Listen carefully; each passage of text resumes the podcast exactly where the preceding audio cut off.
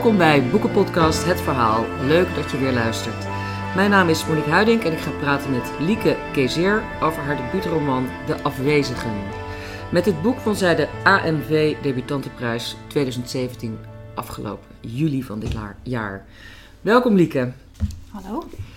Um, gefeliciteerd met ja, de prijs. Dat moet echt wel enorm leuk zijn geweest. Heel leuk en ook wel een verrassing, want ik had het echt niet uh, verwacht. Ja, met, uh, met het smelt was je en uh, ja. Lise, Lise, heet ook Lise Spit. En wie was die andere nominee? Judith, Judith Eikelenboom met Biefstuk. Ook okay. een heel goed boek. Ja. Maar goed, Lise Spit was natuurlijk wel een beetje de gedoodverfde ja, winnaar. dat had, had ik ook verwacht, want die, die krijgt hem. Ja, ja. ik ook. Hartstikke mooi.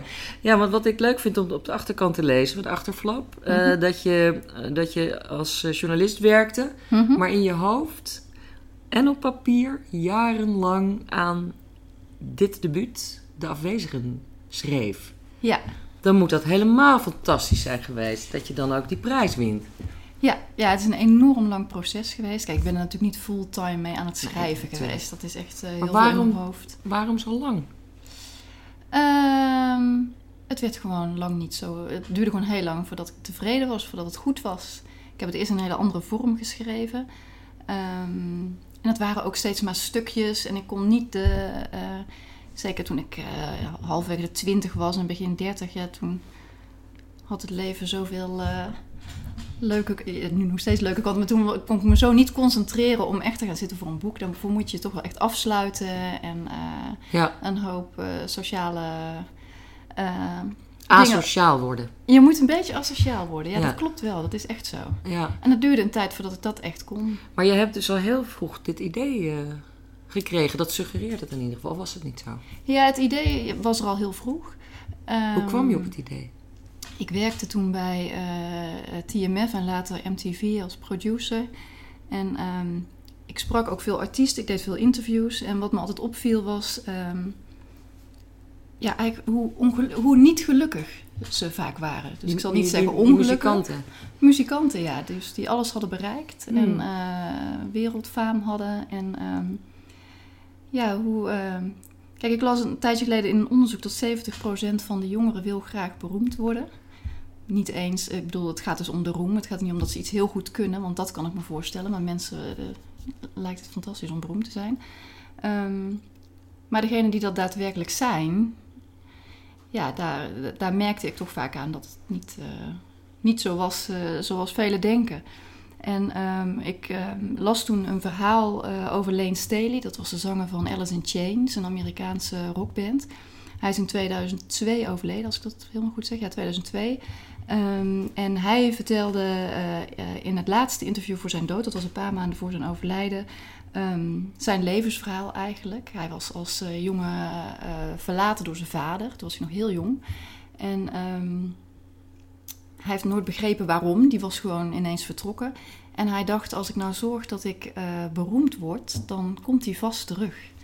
En eh, hij bleek goed te kunnen zingen en is een band eh, begonnen en die brak inderdaad door. En toen die band wereldwijd doorbrak, toen stond ineens die vader eh, weer op de stoep, inderdaad.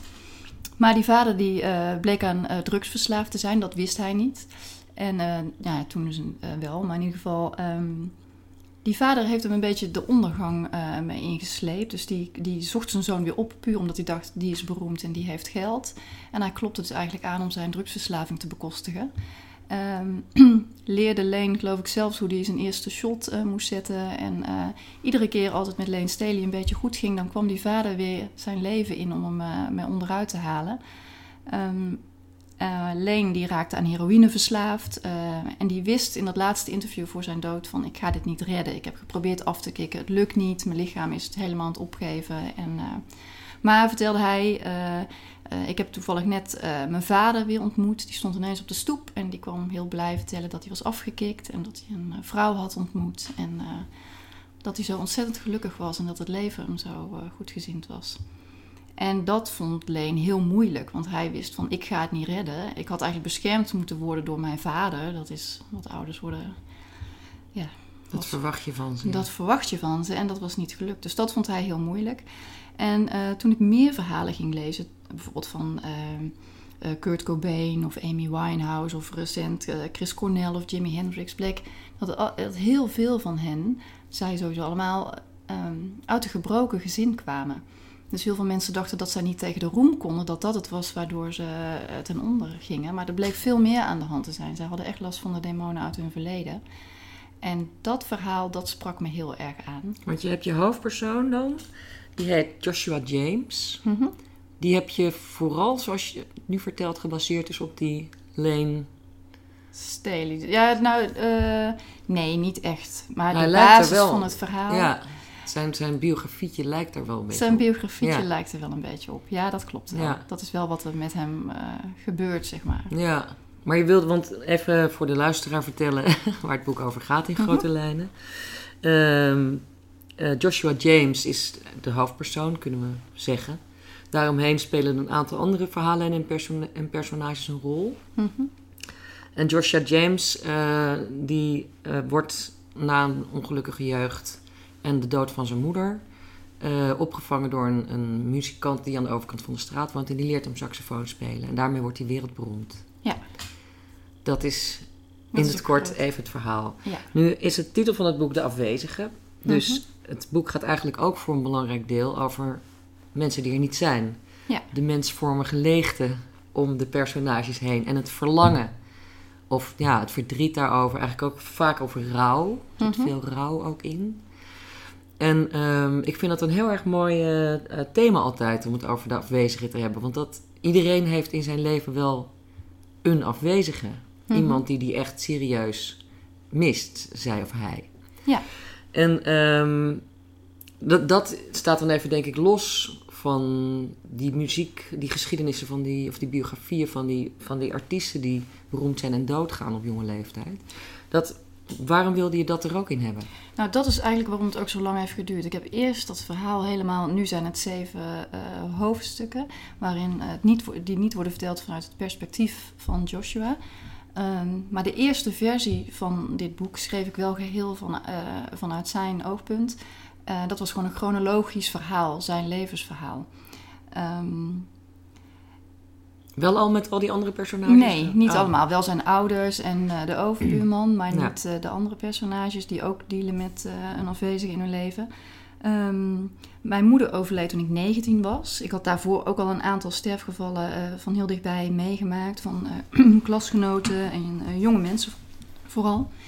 En toen ik 19 was, overleed mijn moeder. Die was toen 45 en zij kreeg een hartstilstand. En, dus- Plotselinge dood. ja, een hele plotselinge dood. Ja, wel, S'avonds zeiden we wel te rusten. En een paar uur later werd ik wakker gemaakt met een mededeling dat ze was overleden. Ehm, en ja, dat maakt natuurlijk zo'n indruk. Het maakt natuurlijk altijd een indruk, een overlijden. Maar dat maakte zeker op die leeftijd, was ik, ja, dat, eh, dat iemand in één keer weg is. Ja, dat was heel moeilijk. Eh, Dat was heel moeilijk om mee om te gaan. En ehm, later besefte ik dat ik dat er wel in moest verwerken. Dat dat ook wel iets van mij is, wat, wat toch wel in dat boek hoorde. Maar goed, toen ik eigenlijk echt begon met schrijven van het boek, ging het eigenlijk helemaal lekker met me. En ik had een hartstikke leuk leven. En die rouwperiode, die had ik grotendeels afgesloten. Dus het was ook wel een drempel eh, om dat weer een beetje naar boven te halen en eh, dat in het boek te verwerken. Omdat, het, omdat je dacht, ik ga je niet weer die beerput... eh, of al die ingewikkelde gevoelens opraken. Ja, dat bleek wel makkelijker te zijn dan ik dacht hoor. Het was echt niet zo dat ik huilend boven dat boek zat, helemaal niet. Maar ja, het is niet een heel opbeurend verhaal, Nee, toch? dat is het niet. Maar het is ook wel... Ja, op een bepaalde manier... Er zit wel troost ook in. Ja, en ook wel hoop, hoop ik, Ja, denk ik. want je hebt, het boek gaat ook echt voor een heel belangrijk deel over muziek. Ja. En eh, wat voor een rol had je gedaan? Had je van tevoren al zo'n soort van idee van die muziek moet erin? Want hè, dat, als het inderdaad een soort van troostfactor of als nog iets anders? Eh, nee, maar dat kwam wel omdat ik eerst dat verhaal had van die muzikant. En ik werkte vooral in de muziekindustrie. Eh, ik deed later ook eh, ehm, zelf veel interviews eh, met muzikanten. Ehm, dus ja, dat het over muziek moest gaan, dat vormde gewoon een heel belangrijk deel van mijn leven. Dus Ja. dat, eh, Dat is, gaat dan dat is onvermijdelijk dan. ja, dat, heb ik niet, dat is niet een. Eigenlijk, ja, natuurlijk is zoiets een bewuste keus, maar het is wel eenmaal onbewust. Ja, het moest erin. Het maar moest goed, er erin. zit, er zit natuurlijk, dit is jouw boek. Ja. Dus het is überhaupt helemaal een gestalte jij zit overal in.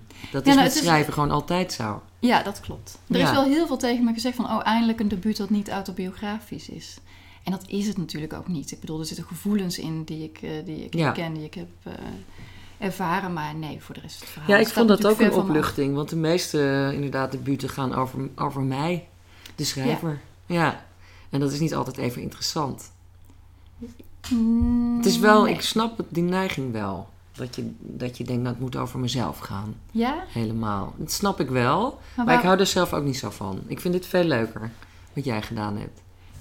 Ja, dankjewel. Nou ja, maar het is niet dat ik nou niet... Ja, nee, ja.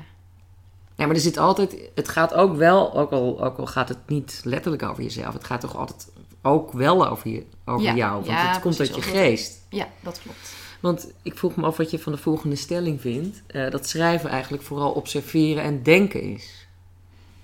Die combinatie. Ja, dat klopt wel. Ja, want het hebt ook helemaal heel eens. goed geobserveerd in het boek. Ja, Valt mij op. Het speelt zich helemaal af in de Verenigde Staten. Op één klein uitstapje naar Amsterdam na. ja, De personages zijn ook allemaal Amerikanen. klopt, ja. En ehm, eh, het is vooral LA en New York waar we veel zijn. Mhm. En je springt door de tijd. Dat is ook een, een opeenvolging. Het is niet chronologisch. Nee, Dus wat je net zegt, je begon chronologisch, dan ben je het gaan opknippen waarschijnlijk. Dat kan eigenlijk niet missen. Mhm. En we vliegen echt heen en weer van 1977 naar eh 19... Nou, ik heb het nog opgeschreven. Het gaat als een, als een maniak tijdmachine op hol geslagen. Je be- we beginnen in 1978, dan wordt het 87, dan 81, dan 96, 84, 77 en uiteindelijk is het 2015. ja. Ja, dat is Vond je wel... het irritant? Nee, helemaal niet. Het, ging eigenlijk, het maakt helemaal niet uit eigenlijk. Omdat, die, omdat je ook steeds dan weer met andere personages te maken krijgt in die andere tijden. Of ze zijn veel ouder of veel jonger. Mhm. Dus dat, dat is totaal niet storend. Ja, sommige mensen vonden dat volgens mij wel. Oh, nou dan moeten zij maar zelf weten. maar ja, goed, heeft Eh, maar het speelt, eh, je beschrijft heel gedetailleerd eh, straten in New York en in L.A. En ben je daar geweest? Ja. Ik, nou, ik kwam daar... Ja, ik... eh, ja, voor mijn werk kwam ik daar. Ik interviewde daar vaak eh, artiesten. Oh, Dus ik kwam veel in New York en in L.A. En, en toen ik begon met schrijven was, dat, was het ook nog zeker zo. Inmiddels niet meer, maar ehm, ja, dus ik kende het daar wel. Oké, en heb je toen ter tijd, had je altijd een boekje bij dat je dan precies ging opschrijven van eh, Nee. die deur ziet, die, dat, die, hè, dat is zo'n Ja. bruine deur met groen glas? Of... Nee, nee, nee, nee, nee. Dat is dan toch wel een beetje uit mijn fantasie eh, ontsproten. Eh, nee, ik liep daar niet met een boekje rond, maar ik keek wel goed. Ja, Ik vind het ook zo, eh, zeker in New York, ja, ja, daar kun je niet anders dan kijken. nee, maar er is ook heel veel te kijken. Er is heel veel te kijken, Ja. ja, dat klopt. Het is erg vol Ja, en hoog. en hoog, ja, ja, ja, zeker. Ja. Ehm, Maar het was voor mij wel duidelijk dat het daar... Ja, sowieso, omdat ik daar toen veel kwam... heeft het voor mij nooit... Ja, daar moest het gewoon, eh, zich gewoon afspelen. Kijk, ik kan wel een wereldberoemde muzikant in Nederland... maar ja, dat laten we wel wezen. Dat gebeurt gewoon niet zo vaak... dat mensen uit Nederland echt zo wereldberoemd worden. En mijn personage moest echt, moest echt wereldberoemd zijn. ja. Want Joshua James, even van de hak op de tak hoor, maar dat geeft niet. Dat is een podcast. dat is het de boek podcast, ook, dat hè? mag. Ja. En het boek is het ook, ja. Eh, ik heb opgezocht of Joshua James echt bestaat, maar die bestaat echt. Ja, het is een volkszinger, geloof ik. Het is hè? alleen niet... eh, Nee, het is niet mijn Joshua James. Maar heb je hem daarop op hem een beetje gebaseerd? Nee, ik kende die hele jongen niet. Dat was het opeens van, toen was het, toen was het boek al af. Dacht ik, moest even die naam eh, gaan googlen om te kijken of er niet toevallig een artiest eh, is. En Oh. ja, die bleek er wel te zijn. Ja, maar die kende ik niet, nee. Oh, oké. ik- dacht, verrek, dat zal... eh, Misschien heeft ze die dan... maar die is veel Nee. jonger dan deze ja, Joshua. En hij speelt piano. En geen saxofoon. nee. Maar dus ik heb het gevoel, maar dat kan ook omdat je het zo goed hebt beschreven... dat, dat er toch wel ook veel ehm, non-fictie in de fictie zit. Echt bestaande gebouwen, echt bestaande eh, muziekmaatschappijen... Misschien ook zelfs. Ik kon weer niet die. eh hoe heet je ook alweer? East Street Records. Ja, dat bestaat weer wel, volgens mij. Of ze hebben het. Of het Ik heb het bedacht, maar het, kan zo, het zou zo kunnen bestaan. maar je hebt Dat alles klopt. wel bedacht. Eh, een mengeling. Ja. Nee, ik heb geen bestaande platenmaatschappijen genomen. Nou ja, goed, als jij zegt dat. Het zal ongetwijfeld dat Ja, dat, een kleine kreeg ik een hit op. Oké, nou. Eh, nee, want kijk, het, kijk, straten en zo, dat moet kloppen. Ja. En die blijven er ook staan. En, eh, En ga je dan ook met Google Earth kijken hoe het eruit ziet? Dat Ja. heb ik nou met mijn boek gedaan. Ja, Dan ging ik helemaal checken of het, of het er nog stond. En, Ja. ja. Ja, zeker. Ja. Dat kan ook allemaal. Eigenlijk hoef, ik, hoef je er, hoef je Je niet hoeft eens niet eh, nee, Ja. je hoeft er niet meer heen. Maar toch voor het gevoel en voor de geur en de... Ja, ja, daarvoor het wel. gevoel. Ja, daarvoor Ja. moet je daar toch wel zijn geweest. Maar aan de andere kant er zijn ook schrijvers die hele boeken ergens op eh, baseren. Of eh, het laten plaatsvinden in een gebied waar ze nog nooit geweest zijn. Dat kan natuurlijk wel. Ja, Dat is het, je eh, kunt alles opzoeken. Ja, dat is En, het, fijne. Google Earth is echt ongelooflijk precies. Ja, In elke straat hebben ze een foto gemaakt. En een, een filmpje. het ja. was vroeger een stuk lastiger waarschijnlijk eh, ja, om te schrijven. Ehm, je bes- beschrijft het echt heel erg mooi, vind ik. Heel invoelbaar, eh, eh, die observaties inderdaad. En de, de sfeer in, in een straat of in een, in een gebouw. Of, eh, erg mooi gedaan. Dank je. Ehm, dus dat observeren, dat is wel oké. En hoe, hoe is het denkproces bij jou gegaan over dit boek? Wat bedoel je daar precies mee? Nou, ehm, het is namelijk heel goed geconstrueerd. Ja, Dus Gecomponeerd moet je- gecomponeerd, ja. Daar, daar moet je over nagedacht hebben. eh, Hoe ben je op dit idee gekomen om het zo naar zijn eindvorm... eh, Nou, het was dus eerst een gewoon chronologisch verteld verhaal. Eh, maar het- ik kon er toen niet echt de vinger op leggen waar het hem nou in zat dat het niet lekker liep. Het was een beetje te eendimensionaal of zo. Ehm, ik dacht, het moet anders. Ik moet er wel iets meer, ook, zeker omdat het over muziek gaat. Ik denk, ik moet het eigenlijk toch betere compositie geven. Eh, en het waren eigenlijk twee boeken die ik las. Niet speciaal om op een idee te worden gebracht, maar die ik toevallig las. En dat was eh, Bezoek van de Knokploeg van Jennifer Egan. En eh, Legende van een zelfmoord van David Van. En die zijn ook op een andere manier geconstrueerd. Bezoek van de Knokploeg, dat bestaat echt uit korte hoofdstukken die ook wel springen door de tijd. Waarin allerlei personages worden opgevoerd, maar weer een paar steeds wel weer terugkomen. Eh, dat is nog veel gefragmenteerder dan de afwezige is. Ehm, en toen dacht ik, ja, er waren ook meer personages die ik er nog in wilde schrijven. En die ik eigenlijk meer stem wilde geven. En ik wilde Joshua eigenlijk geen stem geven. Hij moest eigenlijk ook een soort afwezige zijn in het verhaal. En eerst was hij heel erg aanwezig. Maar je kwam, eh, omdat hij zo in een isolement leeft, lukt het me niet. Ja, het werd niet echt een goed verhaal op die manier. Dus ik dacht, ik moet hem eigenlijk afwezig laten zijn en zijn verhaal laten vertellen door de mensen die, eh, ehm, die in zijn leven opduiken. Ehm, bijvoorbeeld het verhaal van zijn manager. Ik, ik kwam toen veel managers tegen en ja, dat, die hebben allemaal wel, zeg maar, eh, mijn idee, het, het idee, me het idee gegeven om het over een manager te hebben die zo bezeten is van zijn werk dat het hem eigenlijk alles kost als hij maar ja, met zo'n muzikant onderweg kan zijn. dat is in jouw boek Dave Pelligro. Ja, Of Pelligro. ja. Ehm, Op Ja. wie is hij gebaseerd?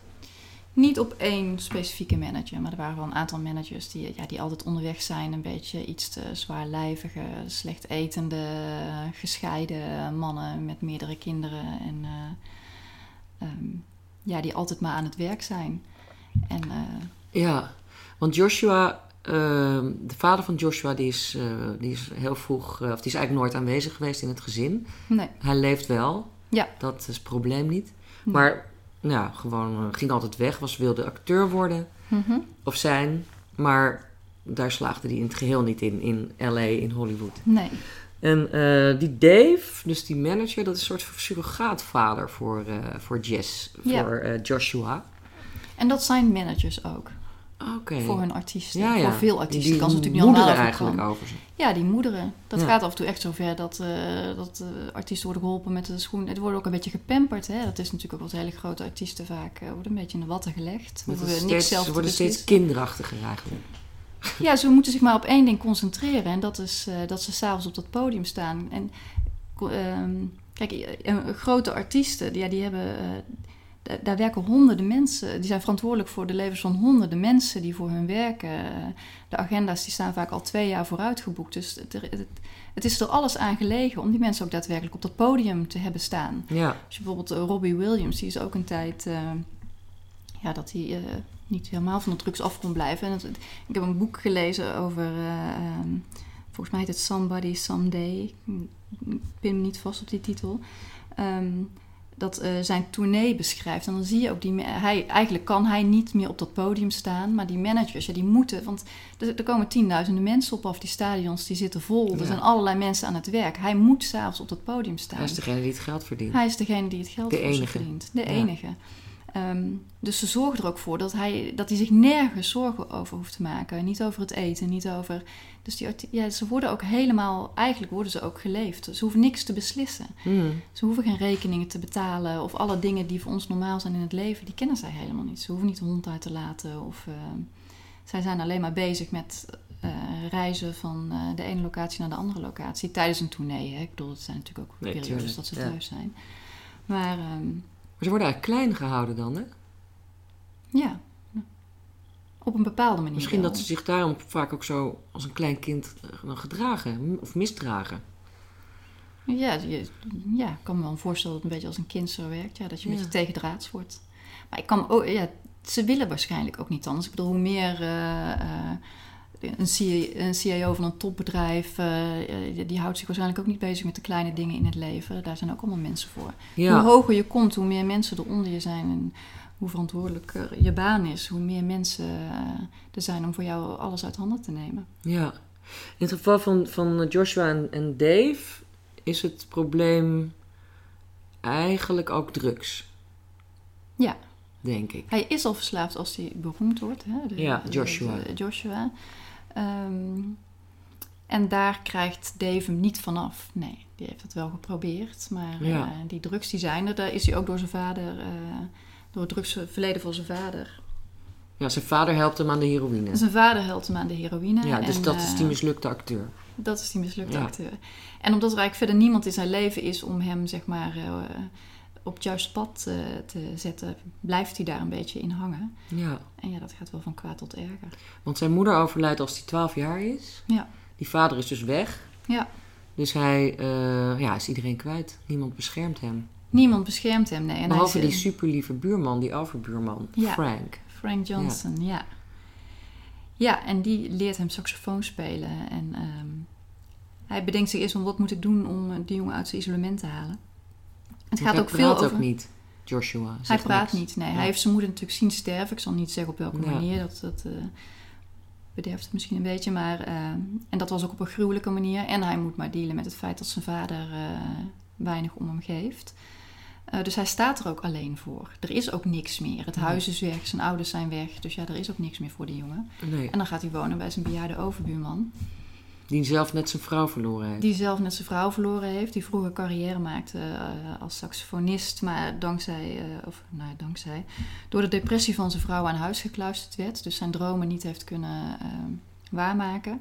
En dat is ook wel waar het in het boek natuurlijk wel veel om gaat. Dat is ook bij zijn vader zo. Die wil zo graag Hollywood eh, eh, Ja, acteur worden. gefnuikte ambities. Gefnuikte ambities. En er gebeurt daar ook wel iets in zijn leven waardoor, dat echt, waardoor daar echt een streep onder wordt gezet. Eh, kan hij niet helemaal, wat, eh, helemaal iets aan doen. Ja, gefnuikte ambities, ja. Ja, Dat bijna toch- bij iedereen, behalve bij Joshua. Ja, en dat is dan eigenlijk net degene die geen ambities heeft. Maar die eh, zich laat leven en toevallig over dat enorme talent blijkt te beschikken. Ja. En hem toch troost in die muziek vindt. Ja. Hij kan zich natuurlijk ook helemaal verschuilen achter dat instrument. Hij hoeft niet te praten. Hij hoeft het publiek niet in te kijken. als Heb je wil. expres gekozen voor een instrument waardoor je moet blazen met adem? Nee. Ademinstrument?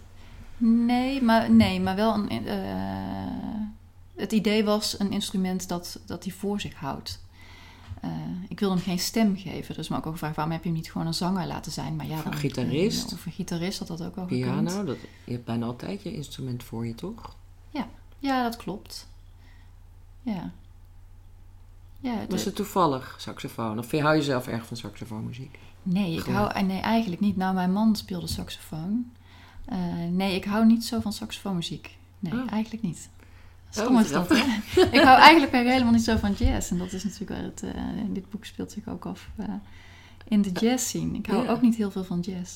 Hoe ben je daar dan opgekomen? Ja, een heleboel antwoorden op jouw vragen. Daar moet ik eigenlijk op zeggen van... Ik weet, ik weet het gewoon niet. Gewoon allemaal associatief. ja, Ja. het is gewoon... het- Zo moest intuïtief. Intuïtief, Zo denk ik, ja. die, eh, zo kwam die op Zo je af. moest het zijn. Hmm. Ehm, het- ik wilde een muziekstijl hebben waarin je je een beetje kunt verliezen. Een, een muziekstijl waarin weinig regels zijn. Dat is wel heel erg de jazz. Dat is zeker eh, eh, wat langer geleden heel experimenteel. Ehm, het kent heel veel verschillende lagen, heel veel verschillende gevoelens die, die het oproept. Maar goed, dat geldt natuurlijk ook eigenlijk wel voor andere genres. Dus ja, daar kan ik het ook niet op. eh, Nou ja, het kan ook iets. Ik, mijn associatie met, met jazz en saxofoon is eigenlijk altijd dat zo'n beetje zo'n melancholiek Ja, geluid. En dat past wel heel goed bij de sfeer van het boek. Ja, nou en dat, ja, dat was het idee erachter. Ja. Het moest een bepaalde sfeer scheppen. eh, en bovendien, ik vond het ook wel... Ik, heb heel lang in de popmuziek gewerkt. Ik vond het ook wel interessant om een muziekstijl te kiezen... waar ik niet zoveel van af wist. Waar ik wat onderzoek voor moest doen. Want Oh, ja, het is ja. leuk om een boek te schrijven... waarvan je alles al weet. Maar Ja, iets want er zitten ook een paar hartstikke leuke anekdotes in over, eh, over jazzmuzikanten. Ja, Die laat je dan, hè, dat is dan die, die, die manager, die, eh, dat is de manier waarop ze met elkaar, weet je, zo jo- jo- jolig.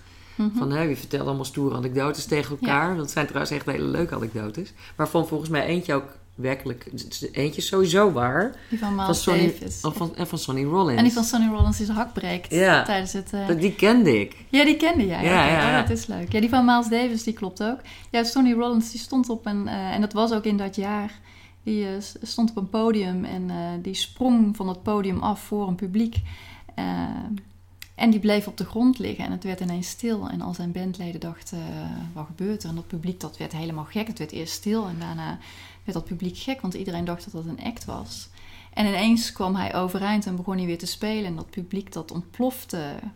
Eh, en iedereen dacht dat het niet klopte, maar anderhalf uur later lag je op de operatietafel met een gebroken hak. Wat een vreselijke pijnlijke... Ja, dat is heel pijnlijk. ja, ja, een vriend van mij die heeft ooit zijn hak gebroken. ik ken nou, dat is een dat... nachtmerrie. Ja. ja. dat duurt ook jaren voordat Ja. het een keer over is. Ja, dat is echt... Maar die eh, speelde gewoon door, dus met een gebroken hak. hij speelde door met een ja, gebroken hak. dat is ja. het verhaal. Wat is het verhaal van Miles Davis, de anekdote? Ja, die speelde in de, als ik het goed heb, de Sutherland Lounge in Chicago. Eh, Dat is al heel lang geleden ook. En daar brak brand uit. Volgens, eh, in ieder geval vlakbij, niet in de zaal waar hij stond te spelen, maar vlakbij. En iedereen die bleef. En er kwam blijkbaar zelfs rook binnen. En, eh, maar hij was zo geweldig aan het spelen dat niemand die zaal wilde verlaten. Ja, dat is de. Ja. En dat, als je echt in- gaat lezen over jazzmuziek, en dat zal ook voor meerdere genres gelden, maar die jazzmuziek die heeft wel schitterende verhalen. Er zitten veel anekdotes in. Daar werd natuurlijk ook ontzettend veel drugs gebruikt en drank. En, Ja, maar dat is eh, in de rock en roll ook. ja, dat is in de rock en roll ook. Maar god, die jazz, die jazz. Ja, Ja, maar die, die, die, er hangt zoiets omheen van onoverwinnelijkheid of zo. ja, En, en het is ook moeilijk, weet je wel. Die, die instrumenten zijn niet, eh, liggen niet heel erg voor de hand. Het is niet gewoon lekker even jing, jing, jing met een gitaartje. veel En een plezier beetje brullen en een trommelen. Maar het is echt moeilijk. Of tenminste, weet je, je moet echt dat instrument goed beheersen. Ja. En heel erg kunnen improviseren. Een enorm gevoel hebben voor die muziek. Mhm. En daar, daar hangt dus helemaal zo'n sfeer van... eh, ja, iets, iets geniaals ook omheen. En, en Het dan, gaat ook zo los. ook al staat die hele tent in de fik, ook al breek je je hak... je maakt het gewoon, die, Het- dat ja. concert af. Ja. Ja. Ik ben benieuwd of Bono dat ook zou doen. Ik vraag het me af. Nou, dat denk ik niet. Ja, Ik denk het ook niet. Maar goed, eh, ja, dus dat, misschien is dat dan ook eh, voor jou... eh, heeft dat een rol gespeeld, omdat er dus ook zoveel heroïek omheen Ja, het is zit. een liederlijke... Ja, en de mooie anekdotes natuurlijk, eh, niet Ja. vergeten. Eh, nu staat ook eh, een andere muzikant centraal, Elvis Presley. Elvis... Ja. Ja, dat is gewoon een liefde van mij. Ah, ja? Ja. Altijd al eh, een beetje op Elvis geweest. Eh, nou, zo ver wil ik ook weer niet gaan. Hij was natuurlijk... Hij, hij overleed toen ik een jaar was. Oh, ja. Ja, dat is, ja het is zo'n icoon dat altijd wel heel erg eh, tot de verbeelding heeft gesproken. Ik hou ook van zijn muziek. Mijn hond heb ik Elvis genoemd. Dus eh, Ja. ja. die, ik wilde ook wel een soort van rode draad hebben door al die eh, eh, hoofdstukken heen. Die over andere personages gaan, die in andere eh, tijden afspelen, andere jaren. Ehm, is gewoon eigenlijk een geintje. Hmm. Van, ach, ik laat eh, Elvis overal. En de moeder van eh, Joshua, die houdt heel erg van, eh, Jo- Ja. van Elvis Presley. Die houdt En, zich op de been met zijn films. Ja, Want zij mist haar man vreselijk. ja, En ze kan eigenlijk helemaal niet omgaan met het feit dat, dat die man haar gewoon altijd maar verlaat. Nooit is. nee. En dan klampt ze zich vast aan, aan, aan Elvis met zijn, met zijn feel-good movies. Ja, En zijn feel-good muziek en Ja. liedjes. En dat gaat natuurlijk ver, want uiteindelijk raakt ze ook in een psychose. En Ja. denkt zij ook dat Elvis Presley... Het wordt een eh, beetje symbiotisch. Ja, dat Elvis Presley er is en van haar houdt en Ja, bij haar is. Maar wat betekent Elvis Presley voor jou dan? Eh, Nou, niet zoveel. Ehm, Als meisje dan misschien. Nee, ook niet per se als meisje. Ehm, ja, wat betekent hij voor mij? Hij bet- nee, hij speelt geen rol in mijn dagelijks leven of zo. Het is gewoon een... een ja, heb jij niet iemand waarvan je... Of een, een, een muzikant waarvan je denkt... God, die heeft vanaf mijn jeugd... Of het is altijd een beetje meegegroeid. Die is er altijd. Hij blijft ook, hij blijft ook altijd, zeg maar. Hij is natuurlijk gestorven. Die muziek die blijft... eh, ja, op de een of andere manier altijd. Je hoort hem overal, je komt hem overal tegen. op die manier.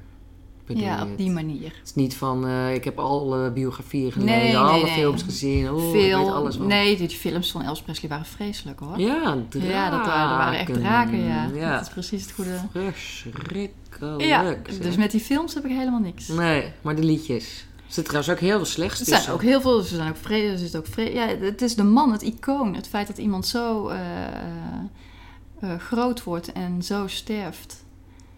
Hmm. En dan nog zeg De maar... tragiek ook. De tragiek. Ik denk Ja. dat die rock en roll verhalen, en zeker dat zit natuurlijk ook wel in de afwezige, die tragiek die daar vaak achter, eh, Ja. achter ligt, dat spreekt me wel heel erg aan. Hmm. Dat je de, mensen die alles hebben, die alles bereiken, en dan toch niet dat geluk weten te vinden. Ja.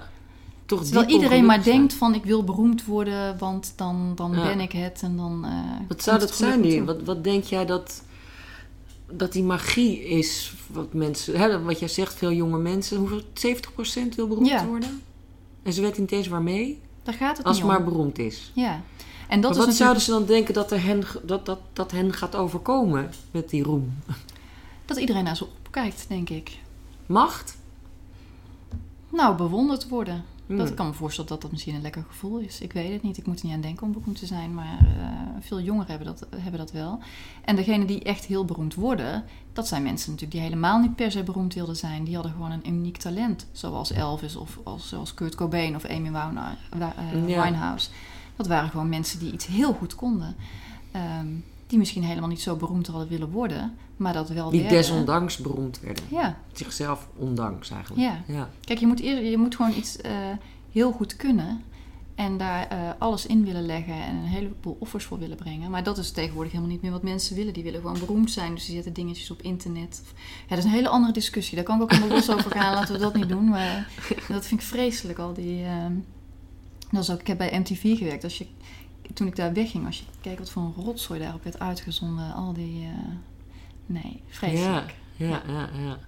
Reality shows. Maar goed, het is, toch een, het is toch een belangrijk thema ook in het boek. Of in ieder geval een, een belangrijk motief, laat ik het zo zeggen. Mhm. Die beroemdheid en, en het mislukken. Of het, Ja. het snakken. Die vader van, eh, van Joshua, die wil dolgraag beroemd worden. Dat is zijn hele wezen is daarop ge- ingericht. Mhm. Maar die gaat ook volledig aan zichzelf ten onder. Het wordt niet helemaal duidelijk waarom die nou geen groot acteur is of wordt. Geen talent. Maar waarschijnlijk kan die gewoon niks, inderdaad. En ehm, eh, dat geldt voor een paar andere personages in mindere mate. Er zit ook een echt een goede jazzzangeres ook bij Mhm. tussen. Maar die, die wil eigenlijk, of ja, die twijfelt eigenlijk of ze nou daarmee verder moet gaan of niet. Dus het is net niet goed genoeg. Ja, het haalt net niet. En inderdaad, dan wordt ze door Joshua eigenlijk overvleugeld. Omdat hij zo ongelooflijk goed saxofoon kan spelen. Ja. Die komt bij haar in de band. Dankzij Dave, de manager. En de man van haar. En haar man. Ja, dat gaat dan ook nog wel, wel weer een beetje mis. Ja. En dan ehm, stopt zij ermee. Met, Ja. het, met de muziek. Terwijl Joshua wel doorgaat. Maar Joshua gaat op een gegeven moment ook een beetje verdwijnen. Er zitten ook bij, ze hebben ook allemaal wel iets van dat ze een heel ander pad inslaan. Of dat ze ergens stoppen of een hele andere afslag nemen. Of je laat ze ook eh, ontsnappen soms. Ja? Ja, of vind je zelf voor niet? Ja, eentje ontsnapt helemaal niet trouwens. Ik ga hem niet verklappen wie. Ja, dat is een beetje met dat vervliegen van de dromen. Hmm. Dan dus tijd. Oh ja. Ik kan me daar wel iets bij voorstellen dat als je iets eh, heel graag wil. Er is wel een periode geweest toen ik bijvoorbeeld aan het schrijven was, dat ik heel graag wilde dat het ehm, goed werd. Of dat ik dacht, dit moet een boek zijn wat uitgegeven wordt. En dat lukte een tijdje niet. En dan ga je, trek je je ook wel een beetje terug. Als je het idee hebt van, nou, dit wordt gewoon niet zo goed als dat ik Ja. wil.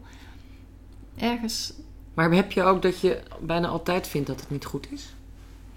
Ehm, Dat je heel kritisch bent op jezelf? Nee, ei- eigenlijk niet. Ik Oh. zou misschien wel wat kritischer op mezelf moeten zijn.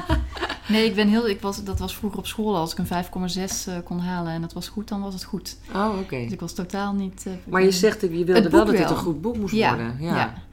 Maar dat ben je, ik bedoel, ben, je, ben je dan ook met het schrijven van het boek... Hè? Je, hebt de, je hebt gewoon de ambitie om dit boek te schrijven... Ja. dat je iedere keer dacht, ach, het is gewoon niet goed genoeg. Weet Ja, je, wel, ja, ja, stop ja. weer lekker mee. Want, eh, Nou, niet bagger. stoppen, maar wel denken van, nou ja, het is nu nog niet. Ik leg het even een tijdje weg. eh, Ja, eh, veel lezen. ehm. en uiteindelijk, toen, het, eh, toen, ik een uitge eh, toen eh, de arbeiderspers eh, het, eh, het wilde uitgeven, eh, toen was het al in deze vorm, dus eh, met deze hoofdstukken. En toen heb ik het nog vijf keer helemaal opnieuw herschreven. Echt Jemig. iedere zin dat ik weer opnieuw dat ik dacht, ik moet nog iets beter, ik moet nog iets beter. Eh, totdat ik echt dacht, nu kan ik er in ieder geval... Ik zeg niet dat het perfect is, want dat is het niet. Nou, het is wel bijna perfect, Eh, vind ik. Het is een erg goed boek. Nou, dankjewel. Ja, het is heel goed geschreven. Maar dat... eh, je kunt echt zien dat je er heel veel aandacht aan besteed hebt. Ja, maar eigenlijk Ja. hou ik zelf helemaal niet zo van boeken waar dat, waar, waar dat zo nee, maar dat spat er niet vanaf. Oké. Dus niet zo Ehm, van, oh god, kijk, haar is eh kromgebogen Kijk, met een is- pinnetje. Ja, ja, ja. dat is helemaal Oh, niet. want Het leest ook heel vlot en het is Oh, heel is beeldend. Dus je ziet al die, tenminste, ik zag al die scènes helemaal voor me. En, eh, ja, nee, ik Het- vond het heel goed geschreven. Het is, het is gewoon heel lang een droom geweest. Ik wist als kind al dat ik... eh, Toevallig kwam een tijd geleden mijn vader, eh, was- had de zolder opgeruimd en die kwam met allemaal schriftjes naar beneden. Ehm, ik schreef al verhaaltjes toen ik, eh, zodra ik kon schrijven eigenlijk. Ja. En dan zie je dat ook wel, dat op iedere... Dan heb ik één zin geschreven op een pagina en die heb ik dan weer omgeslagen. En dan eh, weer zo'n zin met nog een zin en dat was dan weer niet goed genoeg. En dan iedere keer één woord. ja. Dus in Nee, het maar daar doelde ik net op, Ja, dat is, in het schrijven zit die hopeloos perfectionisme. kritisch bent op Ja, dat ben ik elke wel. zin, elke komma, elke punt moet goed staan. Ja, dat klopt. Dat het is- was wel toen het af was, toen dacht ik wel, ik kan het ook niet beter. Ah, ja. Dus dat heb ik ook wel met mijn redacteur overlegd. Ik, maak net, ik schrijf net zoveel versies tot ik denk, dit... eh, Ja, nu en nu zou ik het misschien wel weer anders doen. Ja, nu, ja, eh, ja. Ik zeg niet dat het perfect is, of dit- maar ik kan het niet beter. Ja, ja, dit, dit is niet Dit moet het worden. Ja, dit, Dit zal het zijn. dit zal het zijn. Ehm, wat ook een, een belangrijke, ja, misschien een beetje een, iets wat je niet meteen merkt, maar tijd is ook een belangrijk eh, element in, in de roman. Mhm, Ook omdat je steeds zo springt. mhm. Eh, heb je daar, is dat ook eh, een soort, is dat ook iets van bewust gekozen? Want dat gaat natuurlijk veel, er gaan veel mensen dood of zijn dood, Mhm. als in afwezig, ook soms afwezig terwijl ze nog leven. Maar veel, veel, er wordt veel gestorven, of er is veel gestorven. En je springt zo'n beetje met die tijd. Heb je daar ook, is dat met elkaar verbonden? Dat denk ik namelijk, hè, dood, dan stopt de tijd Ja, bij, bij diegene. En, de, en wij leven, eigenlijk is de tijd ook onze vijand. en het gaat zo... Ja, de tijd is je vijand. Ja. Ja. Het gaat snel, toch? We zijn elke minuut weer een minuutje dichter bij de dood. Ja. nou, gelukkig kunnen we Heerlijk lachen. opbeurende gedachte. Heel Gelukkig wel. Nee, maar dat is wel zo. Ja, als je, ehm, het gaat wel heel snel. Als ik Ja. terug en als je terugkijkt, steeds, ik kijk altijd in een soort van eh, periode van tien jaar terug op mijn leven. En dan, dan denk ik ook van jeetje, wat is er veel gebeurd. Maar wat is het snel gegaan. Ja, Ik heb dat nu bijvoorbeeld, ja. Ik had het laatst nog over. Ik was, eh, nou, dat is een beetje een stom verhaal misschien hiervoor. Maar ik was bij de dierenarts en mijn hond is inmiddels 13. Elvis. En, eh, Elvis. en de dierenarts die, die maakt zo'n opmerking van... nou, die is ook aan het einde van de leven. En daar schrok ik van, want ik had... eh, Ik bedoel, hè, ik weet heus wel dat een hond eh, geen Ja. 30 wordt. Ik wist ook wel dat, die nog maar een paar, dat ze nog maar een paar jaar zou hebben. Maar ik schrok daar toch wel van. En toen ging ik een beetje terugkijken van... goh, jeetje, ik kan me nog zo goed herinneren dat Die ik er pup. ging halen als ja, pup, ja. ja.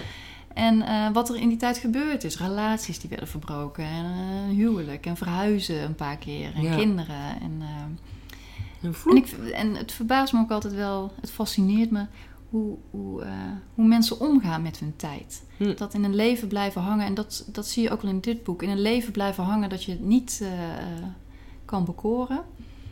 Relaties, werk. En maar doorgaan en maar doormodderen. En die dat tijd heb ik nooit gehad. Knoeien. En die, ja, je verknoeit je tijd. ja. Voordat je het weet, eh, ben, Ben je, er niet meer. Dat kan morgen. Ik bedoel, mijn moeder stierf toen ze 45 was. ja, ik bedoel, ook je kunt ook zomaar. 100 worden, ja. Maar dan nog, ik bedoel, voordat je het weet, eh, is het voorbij. Maar Dus leef je, leef je inderdaad ook met zo'n gevoel dat het doodje op de hielen zit om een cliché te gebruiken? Of dat nou ook weer niet? Eh, Zo heel bewust van, Nou, ik ben... Ja, van je er- sterfelijkheid? Ik ben wel bewust van mijn sterfelijkheid, Ja. maar ik, het, het drukt niet op me neer. Hm. Ja, maar, Maar dat is ook helemaal niet. Nee, nee, maar... Misschien kijk je er wel naar uit. Nee, zeg. Oh, nou nee, ja. jij? Ja, dat kan me wel, ik kan me wel iets bij voorstellen dat het prima is om dood te zijn. Oh, dat vind ik echt heel Nou, fascinerend. doodgaan lijkt me heel vervelend. Waarom? Maar dood zijn, echt eh, totaal niet, geen probleem. Maar dat je er niet meer bent. Alles wat je achterlaat, nou. moet je niet meer mee. Maar ik vind het leven zo leuk. Daar heb je toch helemaal dan geen weet van? Nou ja, dat hopen we. Nee, maar dat wil niet zeggen Nee, dat het leven niet leuk is. Nee, maar ik vind het Maar- leven zo leuk. Ik, bedoel, Ja. ik moet er niet aan denken. Mm. Als ik zie wat mijn moeder allemaal heeft gemist. Kijk, voor mij is mijn Ja. moeder natuurlijk heel lang nog... Ik bedoel, ik wist wel dat 45 jong was.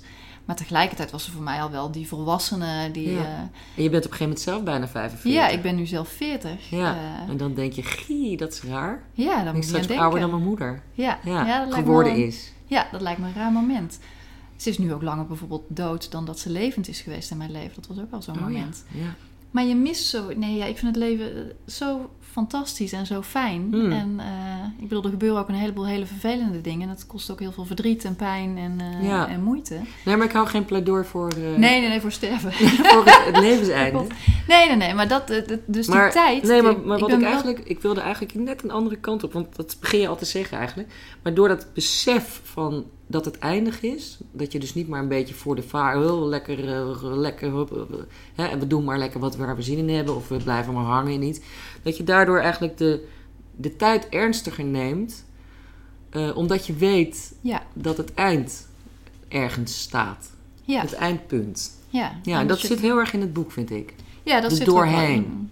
Ja, dat, en dat verknoeien van tijd en verknoeien van je leven. Ja, Ik bedoel, je, kunt, je hebt daar niet altijd vat op. En dat heeft Joshua James ook niet. nee. Eh, soms gebeurt er gewoon ook zoveel in een jeugd of eh, in het leven... dat je daar niet meer bovenuit kan komen. Ehm, maar ja, dat, dat, ja, dat klopt. Dat Ja. is wel heel belangrijk. Er zit een soort urgentie, een urgentie achter Ja. of in of onder Ja, leef. bij een aantal van die mensen. Ja, of eigenlijk een, wat. eigenlijk een boodschap die, die je helemaal even verstopt hebt hoor. Want het staat Ja, niet... het is eh, natuurlijk een beetje clichématig. Nee, maar dat, dat zit er wel, eh, dat zit er wel een beetje achter. En dat voel je er ook wel eh, doorheen. Ehm, ik vind het de sfeer, dat komt ook natuurlijk door de omslag of door de cover. Mhm. De sfeer van het boek helemaal eh, echt. Het voelt als schilderij van Edward Hopper. Hooper. Hopper. Ja. Heb, je die ook, heb je die sfeer ook in gedachten gehad? Eh, ja. Nou, de- ja, ook niet bewust, maar daar kan, ik me- nu het zegt, kan ik me daar wel iets bij Maar voorstellen. dat, die foto, dat zou zo eh, een schilderij kunnen zijn van ja, dat heb ik inderdaad heel veel gehoord, ja. Ja. Ja, Heel een mooi, bepaalde leegte, mooi licht, ja, eigenlijk melancholische ook sfeer. afwezig. eh, op die schilderij van, van Hopper zijn eigenlijk ook meestal mensen afwezig. Ja, zeker de Is er zijn maar laatste één schilderijen iemand? waren echt van lege kamers. Of helemaal niemand meer. Een Ja, soort eenzaamheid spreekt er ook wel uit. Maar Ja. toch heeft het, is het vaak in warme tinten Ja, geschilderd. waardoor je ontzettend dat niet, mooi eh, vind ik dat, eh, vind ik dat werk. Ja, is prachtig. Ja. Eh, nou, we gaan alweer een beetje naar het einde. Ehm, dit is natuurlijk een geweldige bekroning van eh, hè, dat je die, die debutantprijs prijs. hebt gewonnen van al je precieze woordneuzelarij. Ja, Om het heel oneerbiedig te zeggen. ja over zeker. al die zelfkritiek die je over jezelf hebt uitgestort bij elke Ja. zin, punt en komma en uitroepteken. Dus nu ben je natuurlijk, ga je natuurlijk vol goede moed. Aan mijn tweede beginnen. Ja. Ik ben al begonnen. Ja? Ja. Oh, wat goed. Nou ja, ik had eigenlijk al veel eerder willen beginnen, maar iedere keer kwam er weer iets tussen. Ja. Die tijd, die tijd. Ehm vol goed moed. ja. Dat weet, ik weet eigenlijk niet. of- Ja, het geeft wel. Ja. Sta je er nou anders, denk je, of denk je nu, ja, nu wordt de druk echt zo ho- groot? Nee. Of Ach, voel je nee. juist van, nou, erkenning, weet je wel, prima. Nu ga ik gewoon lekker op dezelfde manier verder. Of eh, Ja, als je debuteert. ik kan het echt goed. Nee, ik, ik geloof niet dat ik het, al, dat ik het heel goed kan. Ja, ja ik, nee, dat, dat, lijkt heel zelfkritisch, maar nee, het is gewoon mijn, mijn eerste boek. Ja, Ik bedoel, ik moet natuurlijk beter. Ehm, toch dit overtreffen weer. ja, of het, ja.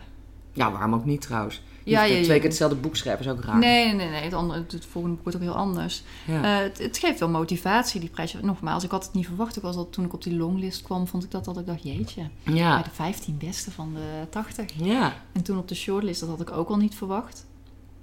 Het heeft positieve recensies gekregen, maar het is natuurlijk geen hype geworden of zo. Nee, wat vind ik Er valt me zijn andere boeken die veel meer aandacht Zoals het smelt heeft, eh, volgens mij 100.000 verkocht of zo. 160.000, Gigantisch ja. veel, ja. Ja, Terwijl jou, dit boek had het natuurlijk ook eh, makkelijk 100.000 kunnen worden verkocht. Maar ik heb Ja, niet het niet gevoel gebeurd. dat het gebeurd is, nee. nee, dat is niet gebeurd, nee. Ehm, Nou, laat deze podcast dan eh, een Ja. nieuwe impuls eh, geven aan. Want de Ja, mensen kopen precies. allemaal dit boek, want het is echt een fantastisch boek. Het Ja. is bijna gewoon een Amerikaanse roman en dan heel goed vertaald in het Nederlands. Terwijl je het natuurlijk gewoon in het Nederlands hebt geschreven. ja. Ik heb, je moet de vertaalrechten verkopen. Dit moet in Amerika uitkomen. ja, hey, dat doet de arbeiderspers als Ja. het is. Dat moeten ze gewoon doen. Maar ja, jeetje, hoeveel Amerikaanse auteurs ze daar niet hebben die... eh, Dat geeft niet. Het kan zo in het, in het Amerikaans vertaald worden. Zeg dat maar tegen ze. wat zal ik zeggen? Dankjewel voor dit gesprek. Ik Jij sprak, bedankt voor de uitnodiging. ja, ik sprak met uh, Lieke uh, Kezer over haar bekroonde debuutroman De Afwezige. Koopt allen dat boek en lees het. Het is een prachtig boek. Uh, je kunt deze podcast steunen met een donatie. Moet ik ook altijd nog even bijzeggen, want het is helemaal onafhankelijk gemaakt. Uh, op de overzichtspagina van Soundcloud, waar al deze afleveringen op staan, vind je in de rechterkolom een uh, linkje met de tekst Steun deze podcast, die naar de donatiepagina leidt.